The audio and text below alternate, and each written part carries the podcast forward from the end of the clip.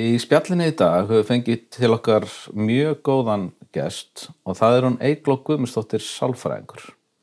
Velkomin Eigló. Takk. Um, mér langar svona kannski að byrja þig að spyrja því hvernig uh, það kom til að þú valdir sálfræði. Sálfræðin sem slík valdi ég bara uh, að því að unni var geðdild í mörg ár og unni með fólki sem var 16 ára og fannst það bara áhugavert mm -hmm. að hérna, það svið. Þannig að, að hérna, ég vildi aðeins skilja meira um sjálf á mig og hérna svona kannski ákveðan hluti í mínu lífi. Þannig að ég bara fór úr mentaskóla, netti því ekki eftir halvt ár, fluttist eitthvað ellendist til Svíþjóður, kom svo aftur heim, fór að vinna geðdild og 32 þá hugsaði ég, já, já, nú veit ég hvað ég vil gera og fór þá aftur í mentaskóla og bara kláraði það þreymir árum til að fá bara svona likil í háskólinum. Og þú spyrjaði að vinna á geðdelt fyrir tvítut? Já. Já, ok. Ég vann alveg í fjögur ár. Á þeim tíma var það samt, já, það var ekki drosalega margir en það var, ég kom, hafi verið að vinna á gamla kópásæli líka og hérna þannig að þegar ég kem tilbaka frá Svíþjóð þá er ég 17 ára og þá fæ ég vinnu ég fluttist í Svíþjóðar aftur, ég bjóð það sem barn og mér erst það svona eitthvað romantík, eitthvað gamla litla eigin sem ég hefði og svo fluttist ég til Gautaborgar og mér fannst það ekki einspennandi. Nei, nei, ok. En þannig ég flutti heim innan ás, en hafði þá líka einnig unnið á dagdelt fyrir geðfalla og var, var alltaf að finna mig meir og meir og, og kem svo heim til Íslands fyrir að vinna aftur á gamla kópáðsælinu og fæ mér svo flutta yfir á geðdeltina og var þar í fjögur ár. Já, já og sem sagt vann, vann þá bara með námi og hérna mentaskólanum og kláraði það. Og allir tala um mentaskóla árið mér finnst þetta sjúklega leðilegu tími. En ég var náttúrulega eldri og ég bara var þetta bara til að ná mér í stúdinsprófið Akkurat, og hérna, getur haldið áfram. Þannig að í kjölfarið fór ég svo þetta er ekki hugafræði háskólinni heima í Salfræð þannig að ég og mitt ADHD sé að ég ákvaði að sækja mér í Danmörku Já. og hérna og held að vera svona svipa kerfi eins og er hér. Þannig ég bara sótt um og svo ákvæði flytja bara í ágúst og hérna 1995 eitthvað slís og kem út og hafði ekki fengið inni. Og það var svona mjög flóki kerfi. Þannig að ég náttúrulega hugsaði hvað gerir nú? Svo fór ég og sá að það var laus plássengustar danska mér var ekkert sjúklega góð. Ég var mjög góð í sænsku hins vegar. Okay. og ég endaði sáur laus plássi teologi og þá held ég að það veri sko heimsbyggi og ég segi já ég tek eitt ári heimsbyggi og sækir svo aftur um sálfræðan næsta ári. Að því maður dætt náttúrulega ekki tög að flytja aftur heim. Já. komst síðan að því þegar ég fletti orðabókinni að, að ég var að fara í guðfræði. Og ef þau okay. horfið á mig núna þá var ég mjög svipuð.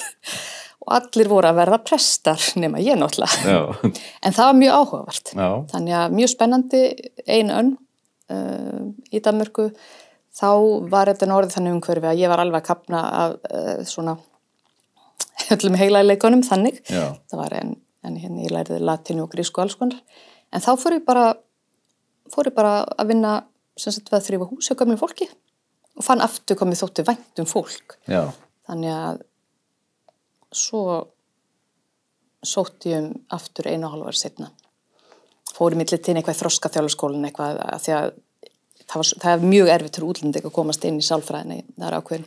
Já, já, þarfst að hafa einhvern ákveðin grunn. Já, og við gáttum ekki sótt um á meðlengun, mm -hmm.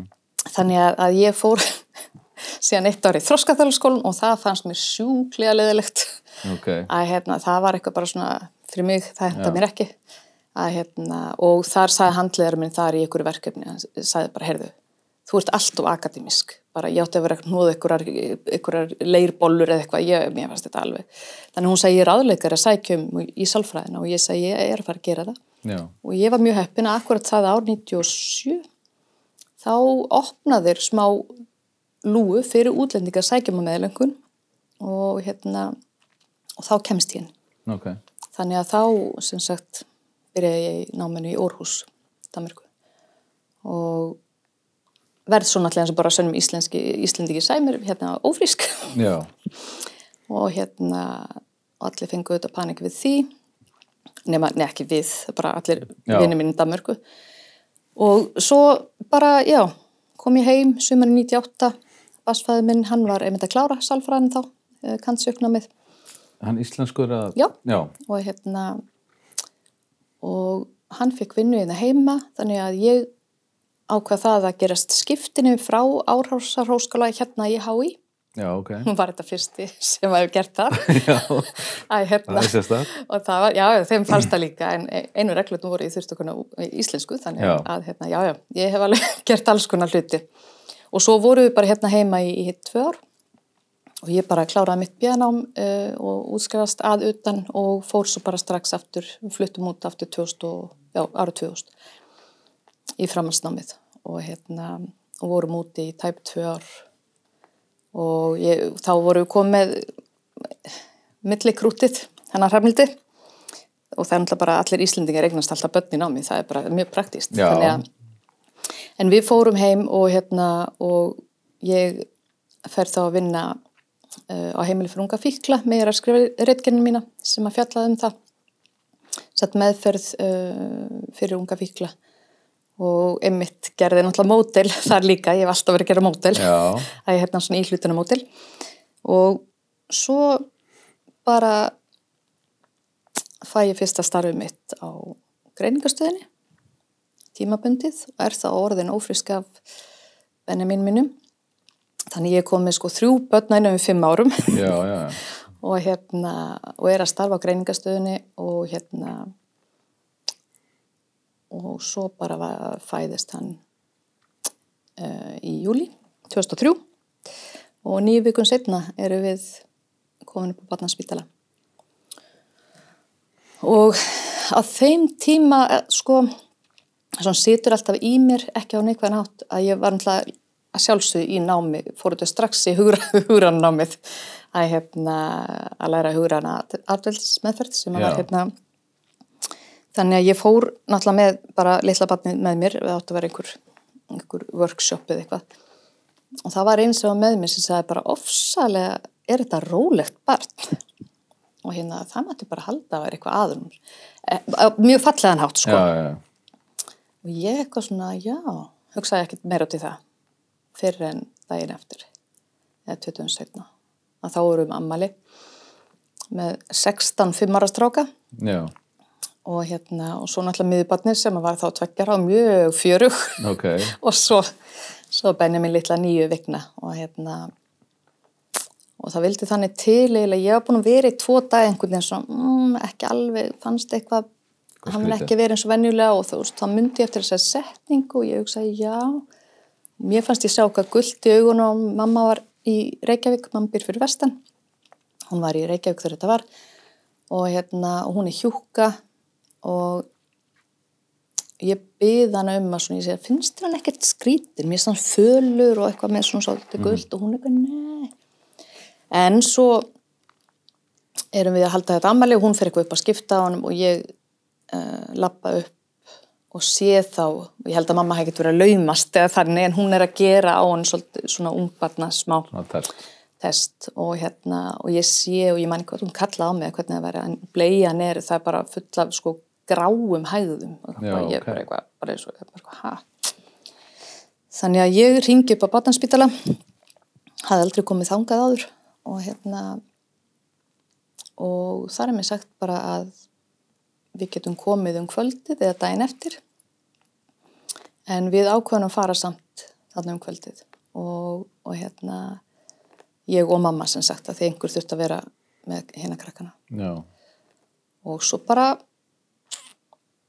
kom ég náttúrulega eitthvað svona eitthvað svolítið svona, mjög afslöpu manneskja og það er verið að taka blóður höfður á hann eitthvað svona fyrir mér og það er eitthvað bara hvað þú veist, fannst það náttúrulega bara ofsalega skrítið og aldrei farið gegnum það og fannst svo upplifun svona erfið ekki það, þú veist, bara upplifun sér slík það gerði, voru allir að vanda sig og ekki taka blóðið af því að þið komist besti æðið Já. þar, mættalega. á höfðinu og hérna og svo og það var eitthvað alls konar rann úr æðinu og eitthvað og, ég snýrist mest um að ég sé bara litla kútin minn einhvern en hann horfir eitthvað, ég upplega þannig horfir á mig.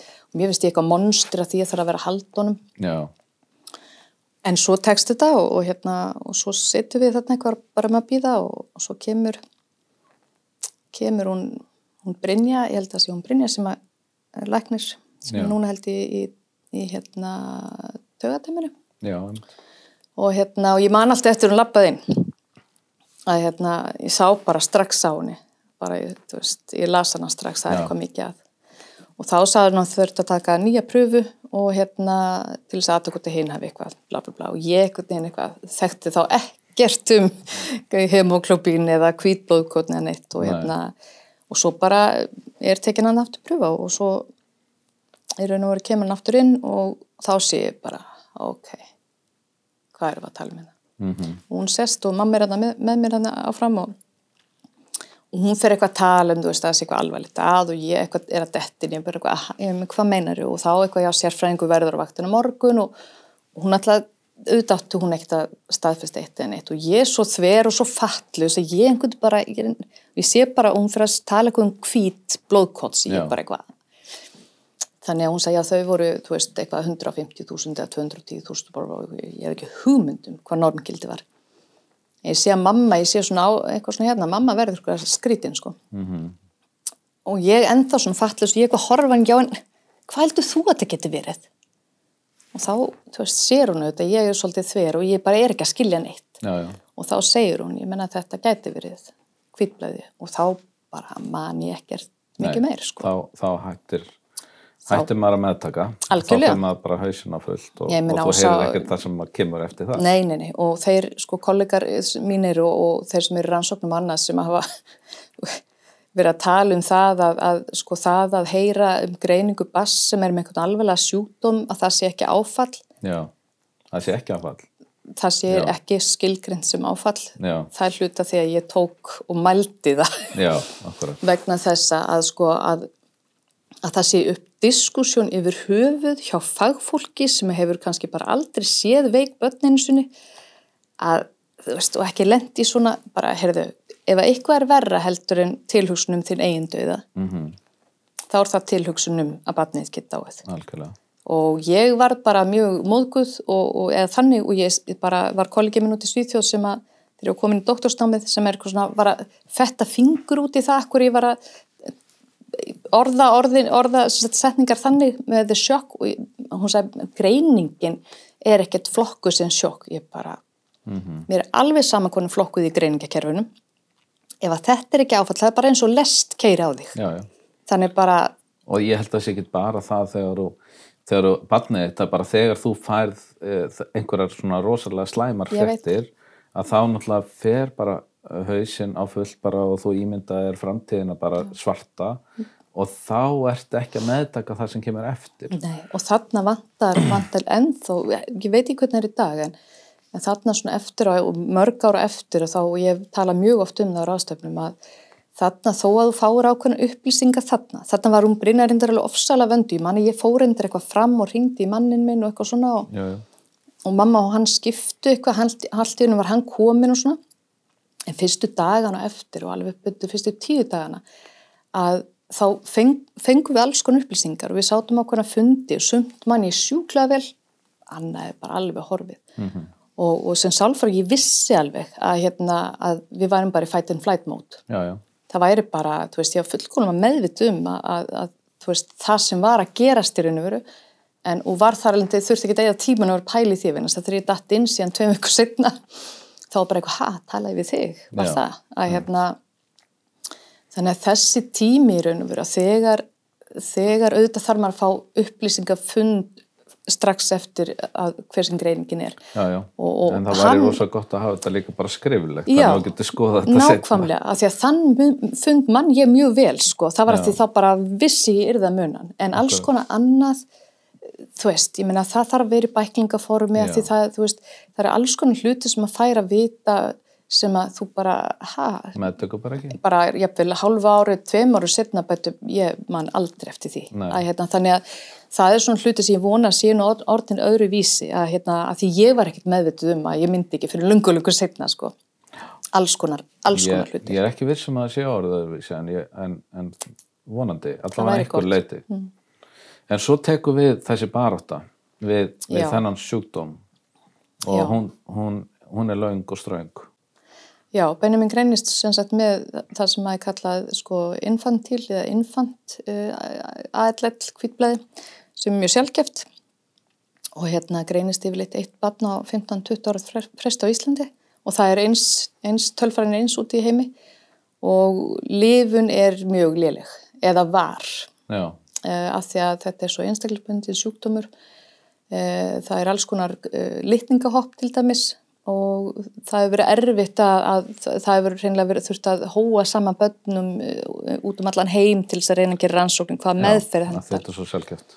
þannig að það sem hefði verið í raun og veru á undan Benjamin sem var mjög sérstakt á Íslandi, hann var þriðja barnið á þremur árum að minni, þremur og fjórum árum sem bara greinist og læknaði Já, bara ok. hugsaðu bara býtu hvað hvað er að gerast hér sko?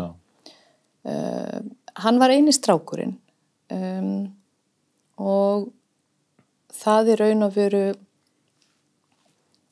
ég veit ekki alveg hvað maður að segja. Það, það allan var til þess að það voru reyndar aðrar aðferði það var ákveðið sem sagt, hann svaraði livjónum mjög illa fyrst til að byrja með hann var ennþá mjög mikið krabminsfrumum eftir held í tvær vikur eða þetta, eins og ég segi þetta manni ekkert. Og, Nei, nei. og, og Jón gamli læknir hann, ég man eftir að hann kom og talaði við mig og hann var eitthvað svona mæðulegur í framann og eitthvað, ég man bara að hann sagði já þetta er ekki nógu gott.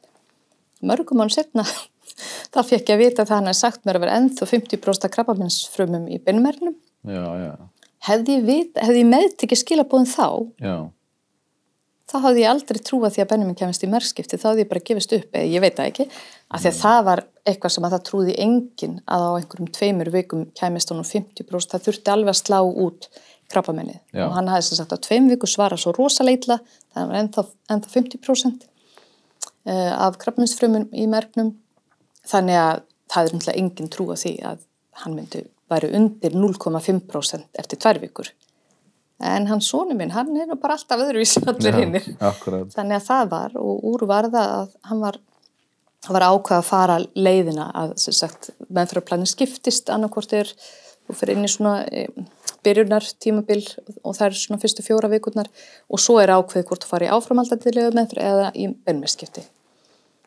og Benjamin var ákveð að hann fari í beinmesskipti sérstaklega því að hann átti bæði sískina skáttu verið gjafar sem var mjög, mjög sérstakt. Já, og þetta er gert hérna heima. Nei, Nei, þetta er ekki gert hérna. Nei, og ótrúlega góð svona genapúlja sem við eigum þessum Ok. börnum. Það er hérna, en nei, það var í raun og veru, sem sagt, uh, það er gert í Svíþjóð, Stokkólmi Ok, og hérna í Huttinge og Badnarspítalinn þar og hérna, og það varð, uh, varð úr að hann kláraði ákveðna me- meðferð hér og hann greinir sér til oktober 2003 og við förum út í lok februar 2004 förum við sem sagt til Svíþjór öll saman. Og hérna og krakkarnir voru hjá okkur í held ég fjóra vikur með minnir. Mamma fór með okkur út til þess að geta hugsað um þau og, og elsku Nikolás minna þurfa allt þetta í sambandi við að gefa beinmerk og það allt í kringum það var honum mjög erfitt. Það var mikið blóðpröfun líka búið að vera hérna heima og svona það já, og hérna og en ég meina það sko beinmest takan sem slík vorum ekkert erfin en það var mikið verið og það var svolítið óskipulag og, og ég með ykkur að smá barna sænsku þarna móðgæði ykkur professorna sem að það varði eitthvað svona mjög skrítið allt saman. En, en á endanum þá fara þau heim með mömmu og basfæði minn, fyrirhandi maður minn, hann verður í tvær vikur viðbútt og þarf að fara heim uh, af því að við vorum bæði sjálfstætt starfandi, ég var náttúrulega var í, í fæðingarólafi, en hann var sjálfstætt starfandi salfræðingur og hérna og það voru engar tekjur. Nei. þannig að hann þarf að fara heim í stöðu sem var alveg umulega vegna þess að livrinn á Benjamin, var búin að fá beinmerkin livrinn á Benjamin var hann stopp. Hann með fullt af blóðtöpum og fyrstu dagana þá hérna þá voru þeir nú glaði læknandi svona þannig þeir eru nú séð oft tölutna verri sko. Ok, en svo var nú hægt að, að var þeim hægt að lítast á blikuna og hann alltaf var, er ekki, hann er ekki orðin átta mána þegar hann sko þarf að fara í rosalega algjörlega þurka út beinmerkin, alla frumur áður en nýja beinmerkurinn gefin og það gerði raun og veru, það sló alveg út lifurinnans og hérna hún var bara, fór í algjör eiturinn og algjör stopp. Og um, en við einhvern veginn að hérna bjart sín eins og verum að ég fekk nú vinkormin á Íslandi að senda mér bara homebotaremítjur ok, og svo vorum við heppin að vera með lækni sem að var op, svona hugsa út fyrir bóksið. já, Hann myndi eftir einhverju lifi sem var tilrænsti í Ítalíu. Já, og að því það var í raun og veru búið að gefa upp að eh, bara þessu Það væri bara búið. Já, hann var Já. bara og ég, ég kallaði nefn páskakjúklingin það er kannski, okkur fannst það fyndið, ég meina vorum bara að reyna að brosa í, í já finna- og hérna og okkur leiði ekki træðilega, ég hafði aldrei trúið að Benjamin væri að degja þarna, bara aldrei. Ég bara, það var ekki, og það var ekki eins og afnýttun ég bara, þegar þeir sögðu mig síðan að lifurum var að snúa við, ég, ég bara já, var- ok, hvað gerum við næst þá? þannig að já, heila svolítið. Já, en allavegna það verð, verður úr að þessar homepöttari myndir koma og ég var alltaf með allt svoleiðis upp á borðinu. Mhm, ég notaði ímislegt þannig en ég var alltaf með upp á borði sagt, fyrir, fyrir læknunum þeir voru ekki rosalega hrefnir að því þarna í Svíþjóð. En svo kemur þetta tilrunlif þeir finna það síðan í Lundi og það kemur í legubíl allar leið upp til Stokkóms já, þeir gefa henni það og lifurinn snýr við. Og hérna þannig að það er svona þá var svona einn hjallur og hérna svo bara fer sem sagt hann er svona við það að hjartan við lifurinn þegar, þegar basfaði minn þurfa að fara heim. Og þetta ömulegt að maður hugsa tilbaka. Hann þurfti bara að fara heim sko lifurinn var að byrja að snúa við en það gæti enginn sagt hvað er þið sko hann hefði getað einmitt. fengið blóðtappa í alla lifurina og eða sem sagt svona eh, sem sagt, það getur losna tapparnir og fara út um allt og þannig að hann kemur hérna heim og fer þá í svona um, áframhaldandi já, meðferð. hann bara við ákveðum það strax. Við, við gerðum tilraun út, nei, heima, hérna heima. Náttúrulega með, þú veist, eitt nýfætt eina tveggjara skottu og svo eitt fimm ára. Og við reyndum eitthvað svona, ég var með bennum brjósti, við reyndum, ég reyndi einu svona að fara heim og lesa fyrir krakkan eitthvað svona fyrstu vikuð, ég man ekki eins og hvað leið langur tími nei, frá því ég fór með bennum spítal þannig að ég sá þau, ég veit það ekki. Nei, En einhvern tíma fór ég heim að lesa fyrir þau og, og bjössi upp á spítala eitthvað svona og við gerum það aldrei aftur. nei Það var bara martru fyrir þau sko. Það er bara þau vissu alveg að ég þurfti að fara, þau bara grét og grét og hengu fótleikinu á mér, það var umurlegt. Það er eina skiptið, síðan var það eitthvað reið við hvað, hvað við köllaði eitthvað, almættið eitthvað, þegar ég var að keira aftur neyrir. Þá Já. bara, bara, ég ætla ekki að blóta. En það var hugsaði bara hvað, en það endist í svona þrjár sekundur að því ég hugsaði og hvað? Ég menn einhver annar þá. Og ég raunverulega hugsaði það, ég man það ennþá. Ég hugsaði bara. Já, og einhver annar hvað, þú veist, að því það var eitthvað svona af hverju við, alveg hérna, Já, svona eitthvað. Bara eins og En- fólk gerir það lendir í svona rosalegum En- áföllum. svo bara við náðum að skipta hlutverkunum mjög vel. Við vorum mjög heppin. Bjössi bara vann, hvað segirðu?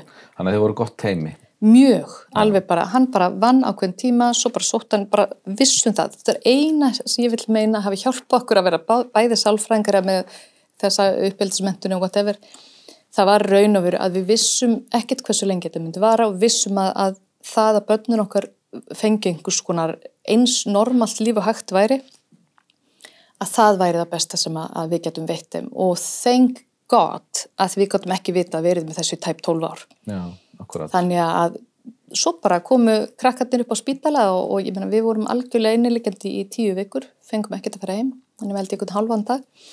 Þannig þau bara komi vildu föstudum með pítsuð eitthvað og hlupum gangana og þetta er bara enn þetta í dag þau veist þetta bara, þetta, þau eiga engar vondar minningar, Já, frábært, hvorki hér heima eða út í Svíþjóð þannig að, það er mikilvægt. þannig að hérna svo ég bara er ein síðan, bara í þrjá mánuði með Benjamin úti og það gengur náttúrulega ymsu, alls konar. Og ég egnaðist marga góða vini þar sem ég er ennþá í sambandi við. Út í Svíþjóð, Svíja og hérna svo bara komum við heim í lók júni 2004 við tvö. Og ég með 100 kíló sko yfirvikt. Var sko engin miskun þar. Og ég er náttúrulega flytt út af vetri með, veist, og hérna kem heim með vagn og eitthvað og, og gleymi aldrei og við þurftum að greiða það sjálf, ég hugsaði ennþá tilbaka. Ég hugsaði bara, þú veist, það var enginn sem tók þátt ég með, þegar ég fór eitthvað svona, einhver sagði farðu með reikningu upp í tér Já. og ég bara eitthvað, já, það meika nú alveg sensa því að ég sko, tvær ferðartöskur bara með lif, sko, já, já. fyrir Benjamin. En nei, nei, og Þú ég var að bara koma eitthvað með lifin heim, voru Já. það ekki til hérna? Það voru ákveðin lið sem að þurfti að vera á bara alls konar, var bara með í kössum, bara alls konar lif sem að var á, hann var til dæmis ónæmisbælandi lifjum og svona og svo var ég með einhverja næringa bara, bara, Já, veist, og, bara og ég veit ekki hvernig, hvernig úrskur mér dætt í hug að fara með barnið mitt þá orðin, sko, rétt hann var ekki orðin áskamall og hérna með allar, allar slöngurnar sín og allt saman með vagn og svo, þú veist, ég man ekki þrjári að fjóra ferðartöskur ein að fljúa heim, þú veist en ég gerði það. Og hérna þannig að svo tók bara við að við komum inn heim og það tók við alls konar bara fekk smá lífarabilun aftur. Átti erfitt með að þingjast og svona. En í heldina bara allt í lagi og, og leggurum var svo tekinn og svona legg, æðalegg og, og hérna. Og svo bara hefum við að fara í ástekk árið setna Já. til Svíþjóðar. Mm og við höfum tekið rosalega flotta myndir á honum og búin að setja ramma og, og hérna. Og ég náttúrulega fer bara eina því ég er að fara með bara heilbriða rósrauða fallega barnið mitt. Já, já. þannig að þannig ég fer einn og hérna þetta áttu bara að vera svona hefbundi tjekk og hérna en ég vissi ég framt ég hafði farið í læknabrifið sem að, að hérna, ég átti að taka með mér. Og það stendur að, að svona á ennsku it is worrying that it shows neutropenia. Og ég bara eitthvað ha Þannig ég spurði hvað því er neutropenia? Það er sem sagt þegar neutrofílarnir eru lágir og ég var búin að læra mjög mikið á þessu ári um hvernig Jú, jú. blóðmyndin ætti að vera. En ég er svona samt hugsa, nei, það fyrir ekki að senda okkur út ef að það er ekki allt í lagi.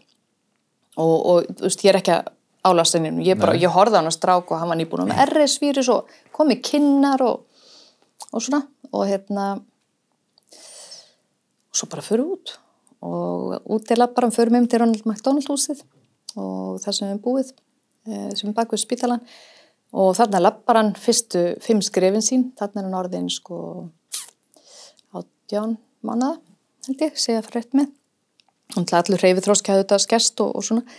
En þarna lappar hann alveg fimm skrifi glými aldrei og horfir á mig alveg glampandi augu bara útrúlega stoltur og, og ég bara eitthvað yes, þú og ég Benjamin, hann bara yes. Og hérna bara we will show them miracles can happen og hérna Benjamin er alltaf verið svolítið mikið svona elskaður alls það sem hann kem, kemur og hann er alltaf með þessi glitrandi og, og við eitthvað fyrir um á spítala í Svíþjóð og, og hérna ég fyrir með myndirnar upp á báða deildirnar beinmess og það allir glaður og bara vá hvað hann lítur vel út. Og, og hann fyrir sig hann í blóðbrúður. Þetta er á miðguti og ég er með svona eitthvað í nakkanu samt, sko. Ég alveg svona ah. þannig að, að ég ringi fyrir klugan fjögur neyri hérna og fæ að vita neðstunum blóðpröfunni og einhver bara hjúka sem ég talaði við einhverstar og hún segir einhverjar tölur og ég bara nei.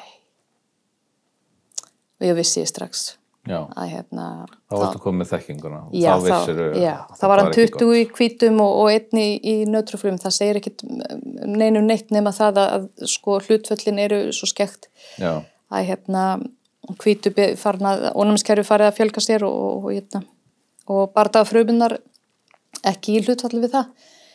Og þá bara mann ég að ég eitthvað bara ringdi ykkur að vinkonum myndi svíð og ég man ekkert þetta, ekki neitt, hún sagði mér að mörgum mann setnum, ég hef samt sagt eitthvað að já, hans tími er samt ekkert komin ennþá, ég bara veit það. Þú veist eitthvað svona.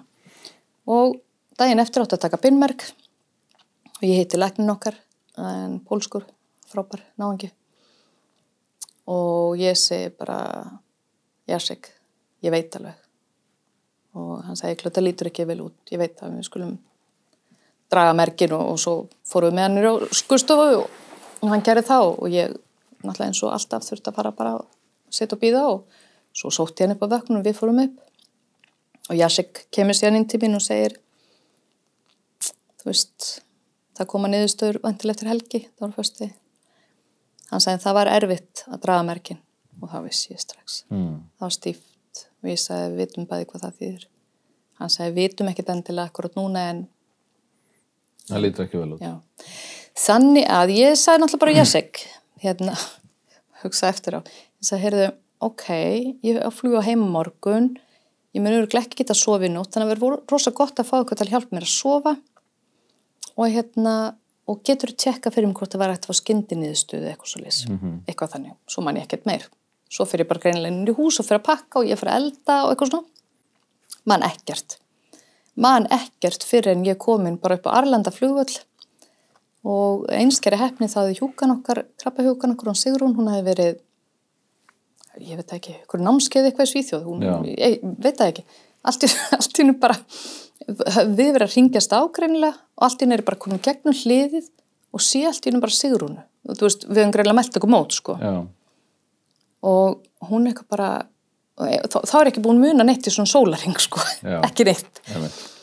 þannig að hún eitthvað tekur mig í einhverjum svona hálfgerða gjörgæslu bara og ég eitthvað bara, nei, ég bara er allt í lagi eitthvað alveg hérna, alveg bara út sónuð sko. Og svo man ég bara hún satt hjá okkur flugið, ég man ekkert hver sótt okkur, ég man ekkert hvenar við fórum aftur upp á spítali ég man að nokkru dögur setna eða eitthvað þá er verið að reyna að setja upp annan legg hjá honum eðalegg, það, gekk- það gekk allt rosalega brösulega í já, og það var auðvitað staðfest að, að krabbminn var búið að taka sig upp. Og þetta er þannig að bara eftir að við erum komin heim, eða fáðan dögum eftir að við erum komin heim, sko bara tveimur dögum eftir meðan vorum úti blóðbráðan út á miðvíkuti, síndi, þess að 50% krabbminsfrum í blóðinu. Eh, á föstu degi sínir 80% sko krabbminsfrum í beinmergnum, þannig að þetta er bara, þetta er eins og bara Já. sinueldur. Þannig að við komum heim og, og, hérna, og það gengur á alls konar. Og fyrsta svona mm, gleymist Benham byrja á stera meðferð, harðri stera meðferð til þess að reyna aðeins að stoppa ónæmiskerfið með að hugsa hvað að gera. Og þá glemtist að setja hann á magalif bara, þetta var bara kás hjá öllum, ég meina þetta bara einhvern veginn. Og það verður svona fyrsta innvortisblæðingin sem við upplifum. Þá erum við heima, áttum að fara inn á spítala daginn eftir eitthvað svo les og hérna byrja eitthvað meðferð eitthvað og allt í hennu bara heyri í kútum eitthvað svona bara eitthvað mamma, við sátum niður og horfa á eitthvað. Og, og ég fyrir eitthvað sækjan og, og við vorum bara Doritos og ég bara, þú veist, mörg ár gæti ég bara ekki horta Doritos sko. Að hérna, og hann bara "Ú, má ég fá? Og bara þá eitthvað svona rétt eins og hálsás og, og ég bara, já, rosa glöð að vildi borða eitthvað. Svo bara leggja henni vagnin og fyrir ruggunum og svona og svo bara eitthvað horfi ég allt í niður, bara stendur bara allt í svona bara svört, bara gus og ég bara eitthvað hvað, þú veist, bara skildi ekki neitt sko, ég bara og svo aftur var mamma þarna okkur rástöfni bænum, mjög heppileg og fyrsta sem ég geri, mjög sjálfstæð manneski en ég bara að því hún var þarna þá bara hugsa ég bara, það við komið gat á okkur æð Já, já. var þetta æðaleggin og honum bara blæða út að innan og best, hún er hjúka og hún veit hvað hún að gera. Og svo bara var þetta bara hann bara eld og eld og eld og ég fyrir eitthvað hringja á sjúkrabíli, hvernig að ég bara það bara og það var svona fyrsta innvortisblæðingur og það var mjög traumatist og þar tókum við upp í lækni í sjúkrabílinum sem að ég bara þenga á að ég veit ekki hvað hann heitir. Já, að, já. að hérna, því ég var bara alveg frosin. Já. og, mamma með mér í bílnum, mamma segi við hennar lækni eitthvað svona, herðu hérna, hún sagði hún er að fara inn í bráðalost hérna, svona, eða þú veist, svona bara, ég var bara alveg já, tínt ok hún sagði, hún, sagði út að gefa henni eitthvað róandi. Hún held að bænja mín og þá segir hann setting, hún sagði mér að setna að hérna er nú bara best að hún færi gegnum þetta ódópuð og mamma eitthvað með Benjamin, hún sagði bara hefði ekki verið um Benjamin að slegja hann utanundir.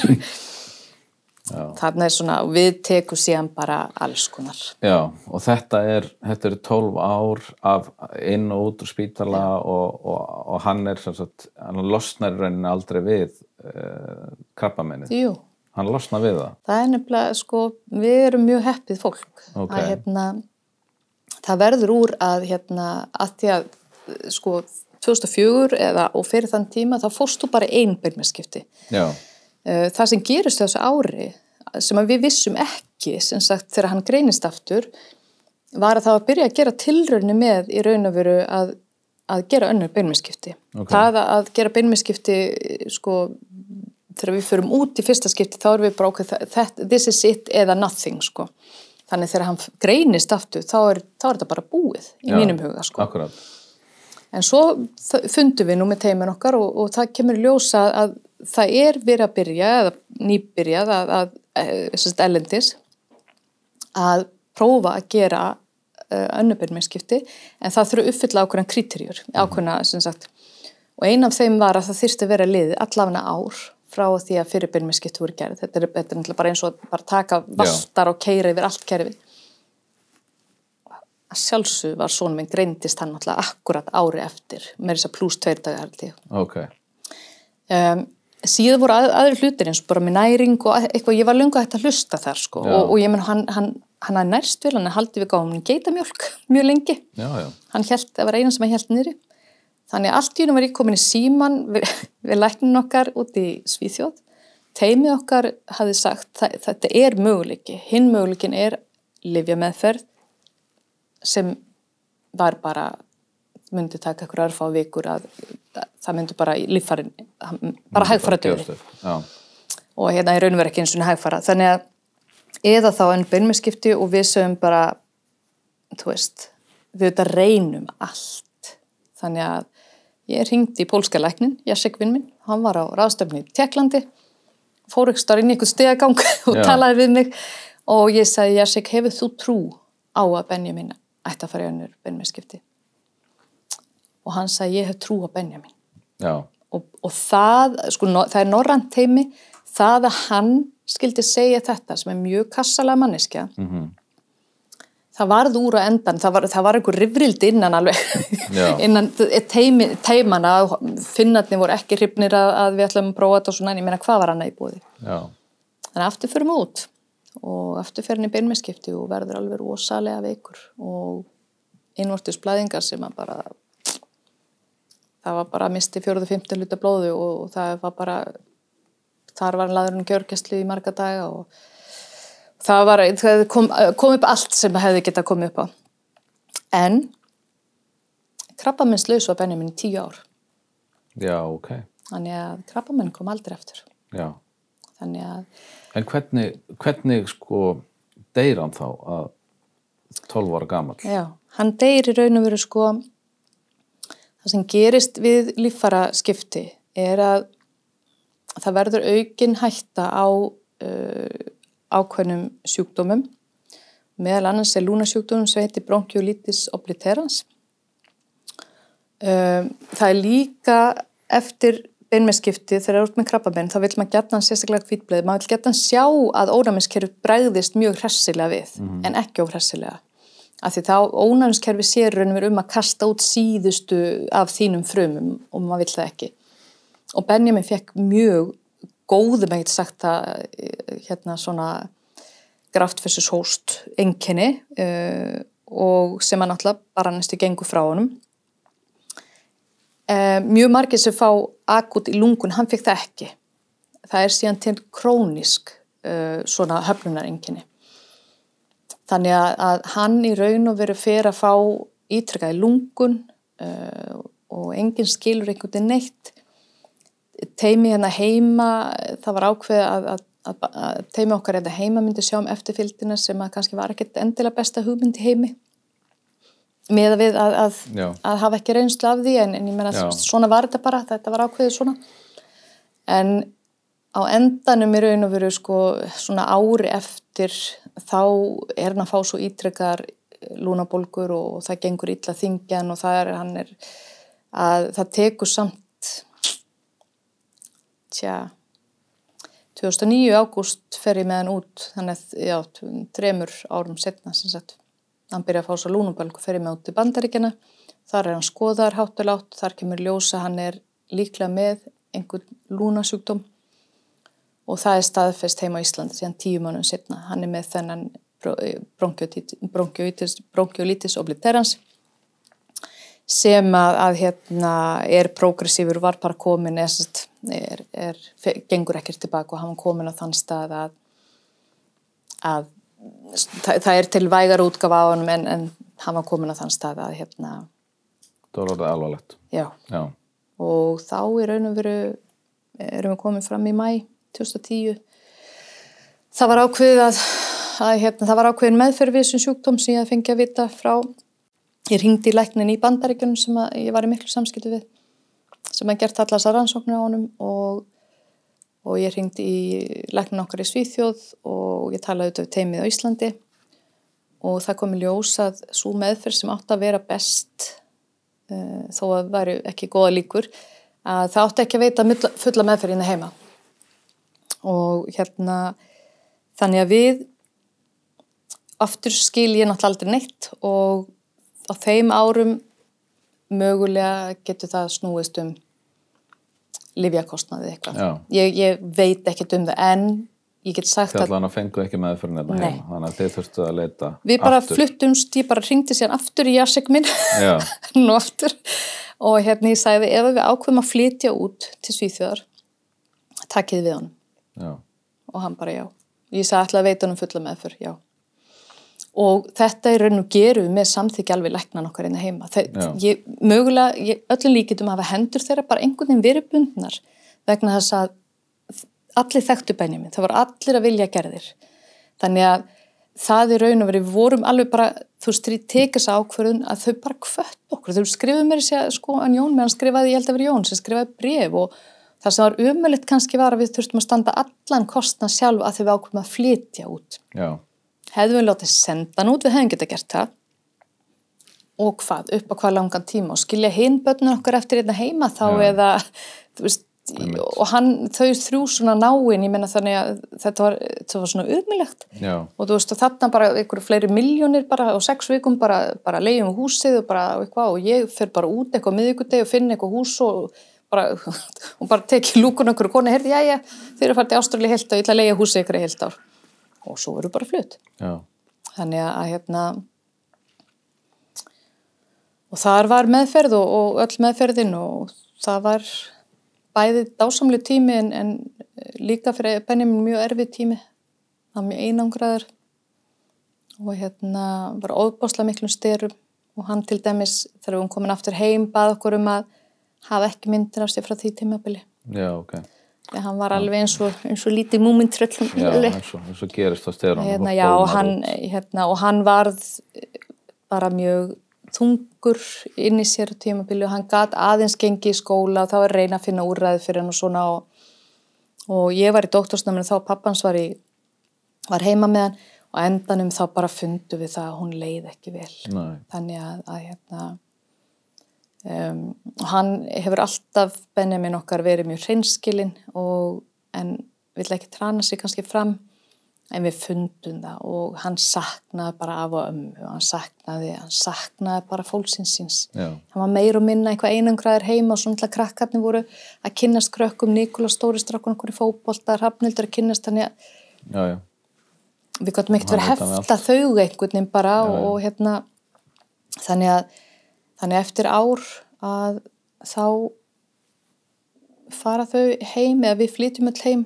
og þá eru við að, að skilja og hérna uh, og ég fæ vinnu úti Svíþjóð er í doktorsnáminu byrjaði því sem sagt 2005 þegar hann greinist aftur uh, þar sem að ég náttúrulega var miður minni yfir því að það væri ekkert svona stuðnings, almennilegt stuðningsteimi eða Já. utanum fóreldra langvækra barna. já, Þannig að þegar ég var úti í setna skiptum með Benjamin uh, sömur 2005 þá er ég búin að taka ákvörðun um það, ok, hvernig leysum að það? Ég var búin að funda með öllum sviðstjórum og svona á barnaspítalum og það var allir sammálum þá var til, myndi eitthvað teimið eitthvað og það var eitthvað, neinn, það vissi engin neitt og e, veist, sem fóreldri sko, þar var mín bugun sem fagmanniski, ég eitthvað bara veitu, ok, ég er sálfræðingur, hvar er sálfræðingurinn? Það það er prestur hérna og það er félagsákif sem var stundum, ég veit að það er fast núna. Það var, þú veist, alls konar teimið það var engin sálfræðingur sem kom á til dæmis þegar Benjamin vektist aftur eða í fyrsta skipti eða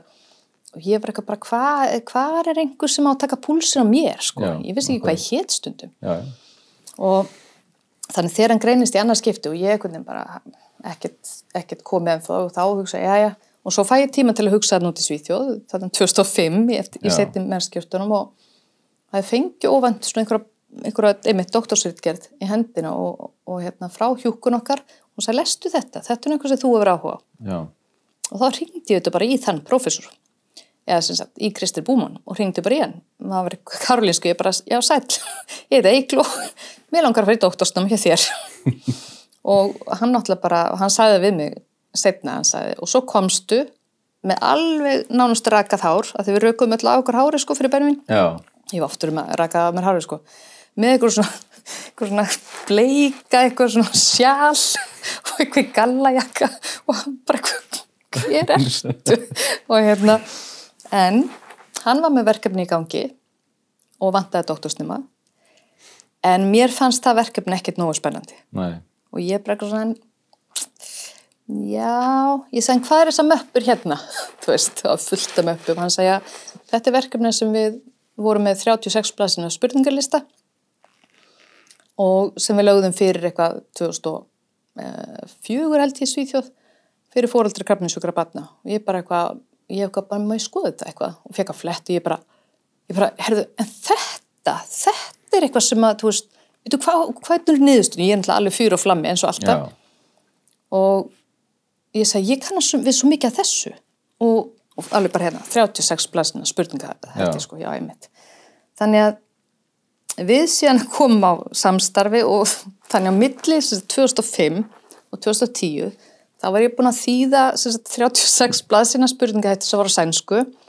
Yfir á íslensku, láta þýða aftur tilbaka þannig að það er nú allt rétt. Sækjum hjá vísindesennin sé að aldrei gert að því ég ætla aldrei í rannsóknir. Nei, mér fannst það leðilegt að hérna uh, og ég var náttúrulega bara ein eitthvað klínsku sálfræðingur í Íslandi með handlegara í, við Karolinska að sækja um all, all leifi hér heima. Það, við þurftum alltaf að fara ykkur auka ringi en og fá styrk fyrir rannís og svona það var, ég fekk bara vita eftir þriði umsókn að, að það, það voru svona ákveð, það voru ákveðna kríturir í gangi en Já. en allavega á þessum tíma þá er er búið að koma út þessa rannsókn, það tók mig tvö ár að þýða, sækja með leifi og allt saman, ég var alveg bara, bara þetta ætla ég að gera. Akkurát.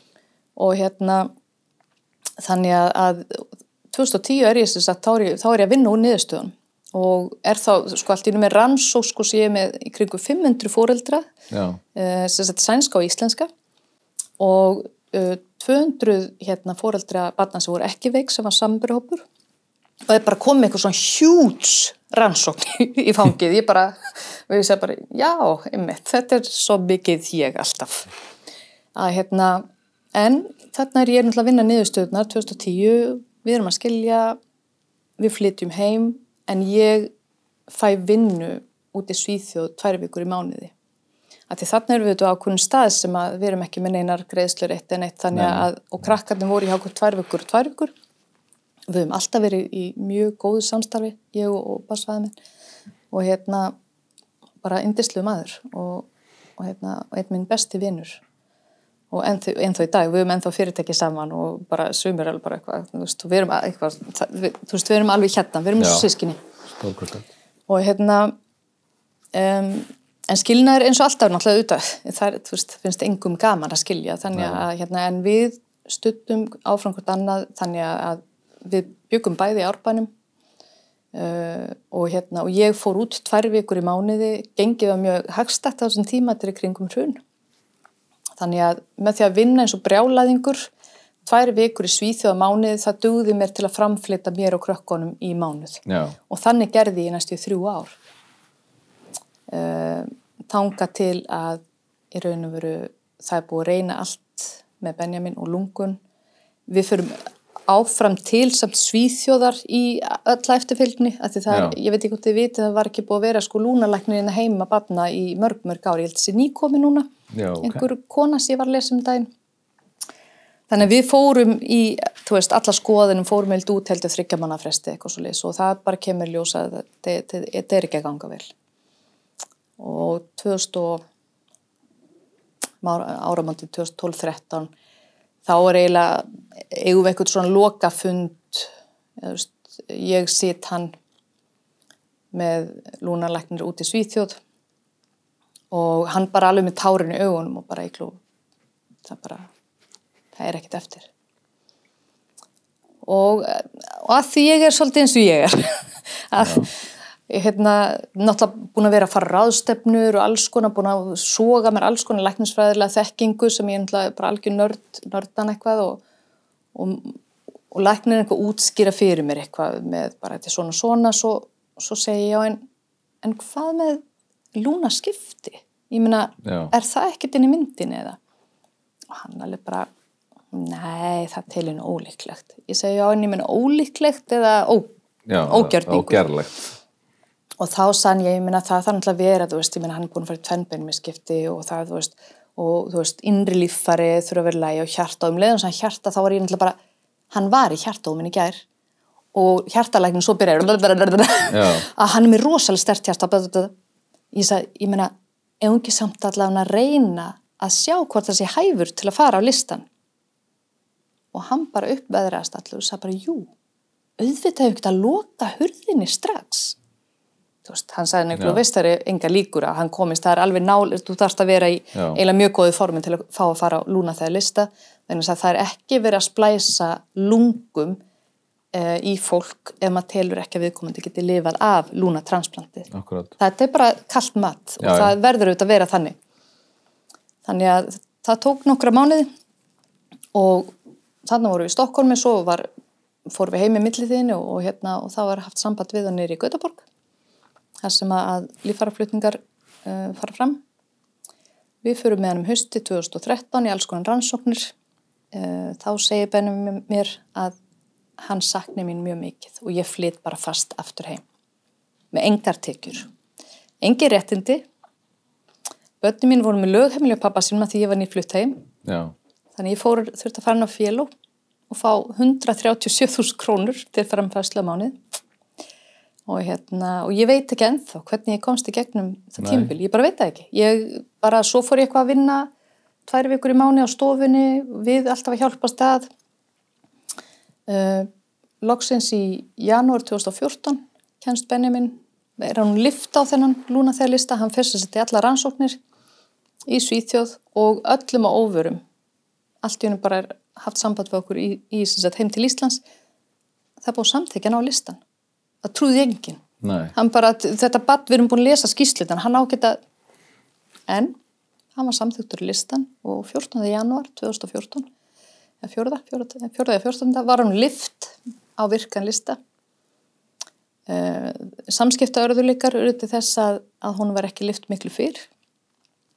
Og ég veit að hljómar ótrúlega bitust en það er það ekki, raumurlega ekki, en það voru 49 dagar, 7 vikur sem að varð samskiptaleysu milli landana sem að að varð þess valdandi honum var ekki lift fyrr upp á, þannig að hann var í svona einskismannslandi. Já, já. Þannig að ef að það hefði Týndist komið bara. lungun, já, Já. þá hefði hann ekki verið flaggað. Og ég fór ykkur á svona lúpu, þú veist, eftir að hann lést að bara það eru 49 dagar sem, en svo bara aftur, ég, ég er mjög heppin einhvern veginn með geðsla, ég bara, svo ég segi, og, og hvað? Ég meina, að við munum aldrei hvað sem er vitað, þannig að hvað, hvað máli skiptir það? Þetta, þú veist, svona gerist, samskiptilisi og það, um, það var ömulegt og það var ekki fyrir ég var farin eitthvað að ringja eitthvað svona öskrandi og hérna og fekk að vita, já, er að koma jól ég, en andlafan, hún er með lift í januar á listan, hann á virkalista og þar býður hann fram til 1. mæ 2015 og þá deyr hann. Og Benjamin náttúrulega deyr ekki eins og fólk sem að deyr venjulegur þessum sjúkdómi. Hann gerði allt Benjamin stæl. Já, ok. Að, hérna, hann er mikill fótbolt, fótboltafa maður, Já. lifupúlari alveg inn í, Pólari. alveg Já, já. enda heldur þeir alltaf með hann og hérna skrifuðu mikið á bloggið hans og hérna frá hann tveggjara og þá ákveðum þá er þann púlari og hann held sko með sínum mönnum elskaði fótbolta og hérna gæti náttúrulega ekkert spilað hann í mörg ár uh, út af lungorum en hann var þá bara með veist, eina tölvu og svo hérna og svo var hann, hann verið í fantasy og svona. Og hann var búin að halda 2014 þá held hann um, sko hann býður um 14 mánuði eftir lungum. Og 2014 þá kemur nýr FIFA-leikur og hann heldur mót, FIFA-mót og heima í okkur. En við bara, Bjössi bjóði í hú, gamla húsin okkar og, og hérna við bara já. og hérna og það voru, ég man ekki hvað voru 50 manns eitthvað svo lýs að spila mismyndi stöðum í húsinu og allir að vilja gerðir að, að hjálpa stað og hann náttúrulega búin að þú veist, bara græja alls konar vinninga og svo, það var æðislegt. Já. og það var svo gaman og hann komst í þriðja sæti og þetta var alveg, þetta var geggjað sko.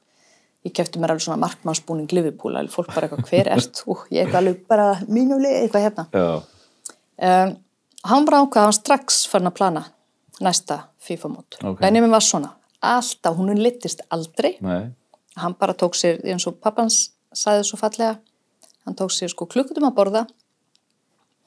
Klukkutum átt svona á klósettið ég, ég er til dæmis, ég er með séfum sem svona klósett selskapsdama til margra ára. Og er sko alveg, ég er með tíu pluss stjörnur. Það er bara, ég er greinlega mjög áhugaverð til að hafa með inn á, í samskiptum. Hann þurfti að dveljast mjög oft mikið inn á klósetti já, og hérna út af slæmsku í, í, í, í inniblum um, þannig að í raun og veru og svo skipulaði hann sér alltaf í klukkutíma í, með síman sinn. Og Benjamin var sko aldrei degraður. Allt sem hann átti hann var nýbúin um þessu tölvu Apple Pro Retina eitthvað hérna þú veist uh, iPhone. Og það, hann var bara lungin og meðan hann sá, hann gæti ekki unni sér inn pening eins og sískinu sín með eitthvað riksu eða skúri eða eitthvað, hann reyndi alveg samt sko. Já, já. alveg hérna með skúringakústin 110 cm alveg með lungun með súrefniskútin sko. Að Benjamin var ofsalega hann vildi aldrei fá neitt afsláttarni nei, nei, en í staðin þá gerðu við díl sko. Að hverja blóðpröfur, allar rannsóknur og eitthvað svona, það, við setjum eitthvað svo prís á það. Já, og hann skamma okkur oft fóreldur fyrir að við vorum allt of lin. Hann bara, nei þetta er sko ekki eitthvað svona 2000 krónum blóðpröfa sko mamma, come on, það sprakk ekki eins svona æð sko, veist þannig hann passaði upp á það, það veri ekki verið að svindla á, Svindla á hann, á já. okkur sko. Hann fengi sitt. Mm, já, hann, hann bara, hann vildi ekkert fá mikið. Nei, hann varst að bara hall, bara sko, sanngjarnt. gekk, já, þetta gekk mjög vel. Þetta er svona 500 kall, sko. Þannig að þannig var hann búin að sapna sér í mörg ár og, og bara gætt keft sér. Og, og það veitt honum svo mikla gleði að því að restin af penungunum hann gaf hann í gafir hann döðrum síðustu jólunas, það gaf hann mér sko kjól úr Karin Millen og ykkur pleðirbuxur, þetta kostar 70 skallum að bara, Vá. þú veist, fór með pappa sér bara, þú veist, hann fór síðustu tvo, tvo páska í Mósusbakari með okkur í sikkur lægi og let búa til páskaði kand okkur og, og hérna og gefa, hann elska að gefa gjafir og mínu, já, ég meina mínu stóðu sko I love my special mom. Og svo hínu stóðu sko I love my football dad. Og þú veist, hann elskaði þannig að stæðsti hlutunum því sem hann sapnaði sér með því að, að fara í blóðpröfur og allar þessar rannsóknir sem hann getur ímyndið hvað það er þá mikið fyrst að hann átti fyrir öllu þessu. Að það gaf hann yfirleitt öðrum í gjafir. Þannig að að þegar hann í raun og veru deyr þá á hann sko 350.000 Já. sem, sem að við gáum bara krökkunum síðan og hérna en hann ákveður það að halda annað fí- FIFA-mót og hérna alveg fyrir að staðu fullt í það við að keira um allan bæ og hann hérna fór lit búið til að útbúa byggar og að þetta átt að vera farandbyggar og það stóð sko FIFA-mót, Benjo FIFA-mót held ég 2015 og svo áttu að halda og Benjamin elskaði gamalt fólk til dæmis að því að sá maður sem að þið kert hennan byggar hann, hann gaf Benjamin byggar en hún fannst svo smart. Já, já. En þú veist svona, og Benjamin sagði bara mamma skilur núna hvað ég sagði að gamalt fólk er indistlegt hann var, hann var svona mannveri var hann Já. og svo bara var alltaf rúndurnir jóa útherja og þú veist hann, hann bara bjósi til líf. Hann átti alltaf líf þannig að þó svo hann var kannski hann bara smættaði hlutina niður Já. og hérna krakkarnir skólan manns heldu hérna benjuleika og söfnuðu pening, pening líka 2014 fyrir hann. Það, þú veist, söldu bara kökur og alls konar, ben, allir veginn bara Benjamin, það var bara þannig manniska og hérna uh, svo bara sextóðum áður hann áður en hann deyr að þá heldur hann uh, þetta FIFA mót og hérna setna FIFA mótið 2015 og hérna var þá náttúrulega búin að vera frekar slappur og svona og, og hérna var svona, svona um kvöldi svolítið leiður yfir því að hann þurfti aðeins að halla hurðin og fannst áriði mikið og hann, og hann hefði verið búin á því að, að, hérna, að spila. Og ekki komast inn eitt sæti og mikil keppnismæður sko en þegar vorum að fara heim síðan þá sagði hann hérna mamma finnst svolítið erfitt að ég hafi ekki alveg þess svona mikið og, og ég var þreyttur og eitthvað svona. Og þá byrjuðum við með stóra samtalið sko ég og hann. Að þá fór hann náttúrulega pæli því að þetta oft verið að pæli því að hvað nú ef að lungun minn kom ekki sko. Þannig að þá tók við sexta umræð síðan það sem að, að í þessum sjúkdóm á maður að taka svona tvær, þrjá vikur eiginlega að liggja í rúminu og vera degjandi að hérna, það, það er þannig eh, hjá, var, okkur, var útskýrt fyrir okkur. En Benjamin tók sko sexta ég að tala. Og hérna uh, sagðist vera harða ákveðin í því að hann þyrstu ná sálfræðinga alltaf að því að hann hefði verið að hugsa á hvernig hugsanir. Og hann gæti sagt allt og hérna en hann passaði líka það sem hann sagði hann var alltaf með mig alveg undir smá sjá hvort hann væri nokkuð að segja mikið. Já, einmitt, hann vildi ekki valda þér áhugjum Hann var reynur bara að fá að, hann var að byggja um að fá að hverja Já, að hérna og ég ætla ekki að fara ítalir út í það því að sko ég er, ég er búin að Já. skrifa bók og það er bara, og það er ekki að meina ó að kaupið bókina, það er nú ekki, er nú ekki að segja það. Heldur bara það er ákveðin hluti sem að, sem að kannski já, sískinans og, og svona hafi ekki, vita ekki ennþá. Og hérna svona umræða sem að, sem að ég vil ekki svona einhvern veginn þannig að skulum geima það Já. betri tíma. Þannig að svo var ég bara við svo heppin að hérna fyrsta mæ þá er hann bara orðin það veikur um hátíð eða hann bara orðin pínu rugglaður svona og ég þakka fyrir það, hann, hann var bara komið smá koltvísins eitrun Já, og um sexlitið er bara komið sjúkrabíl og hann segir við mig, við fengum lækni heim í fjögulitið og, og hérna og þá erum við búin að, að og það er svo smekkill lendan við lágum hann saman og, og þá horfir hann á mig og segir mamma ég held að ég er ekki svo mikið inni. Og ég segi hvað meinaru og þá sagði hann ég held að ég mun ekki ná að fá lungun mín og hérna og þá bara tókum við hendinu hvort öðru og, og grétum að saman. Og þá sagði mig ertu leiði við að sagt þetta? Ég sagði nei. Ég sagði þú veist um að segja allt. Og ég sagði ertu búin að hugsa þetta lengi? Og hann sagði nei það er svona tvær vikur. Og hérna ég sagði myndu það ástu mín þú mátt segja allt. Ég sagði auðvitað er ég leið en ég er ekki leið og har sagt mér þetta. Og svo lágum við bara inn þögninu smá stund saman. Og svo er ég eitthvað að fara að opna fyrir lækninu með eitthvað eins og það var ég mannaði ekki. Mhm. og hún mann ennþá eftir allt inn heyrir hún bærni með sig og ég er að lappa fram nefnilega og það segja ó, mér er létt hafa að tala um þetta.